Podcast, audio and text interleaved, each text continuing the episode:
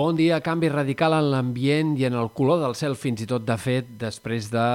l'entrada del vent de mestral que avui ha bufat amb força aquesta matinada, amb ratxes que han arribat a superar els 100 km per hora al Camp de Tarragona i que han provocat que hagi canviat totalment la massa d'aire que teníem a sobre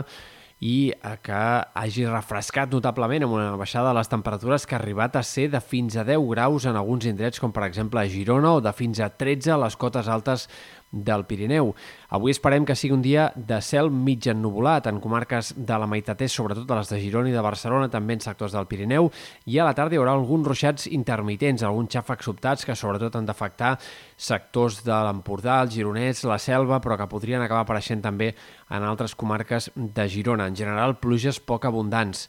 Uh, pel que fa a les temperatures, al migdia també l'ambient serà molt més agradable que no pas ahir. El vent de mestral seguirà bufant encara durant tot el dia a les Terres de l'Ebre i al Camp de Tarragona, amb ratxes que aniran perdent una mica d'intensitat a mesura que vagi avançant la jornada. També vent destacable al nord de la Costa Brava. De cara als dies vinents, el que esperem és que demà i dijous segueixi aquest ambient confortable, probablement amb temperatures no tan baixes,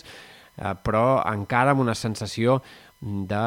relativa fresca per ser a tocar de la canícula. Esperem que eh, segueixi també aquest panorama variable de cel mig ennubulat en comarques de l'est, tant demà com també dijous. Es repetiran també alguns ruixats irregulars a les tardes, demà segurament més concentrats cap a la Catalunya central i comarques interiors de Girona, una mica menys a prop de la costa, però eh, seguirà igualment aquest temps insegur en totes aquestes comarques, sobretot gironines. Dijous encara repetiran alguns xàfecs puntuals a la tarda i a partir de divendres sí que entrarem en una fase de temps molt més normal per ser canícula, amb calor intensa, amb predomini del sol, amb ben pocs núvols i amb temperatures que sense haver de ser extremes, això no sembla probable a hores d'ara, sí que seran clarament de ple estiu.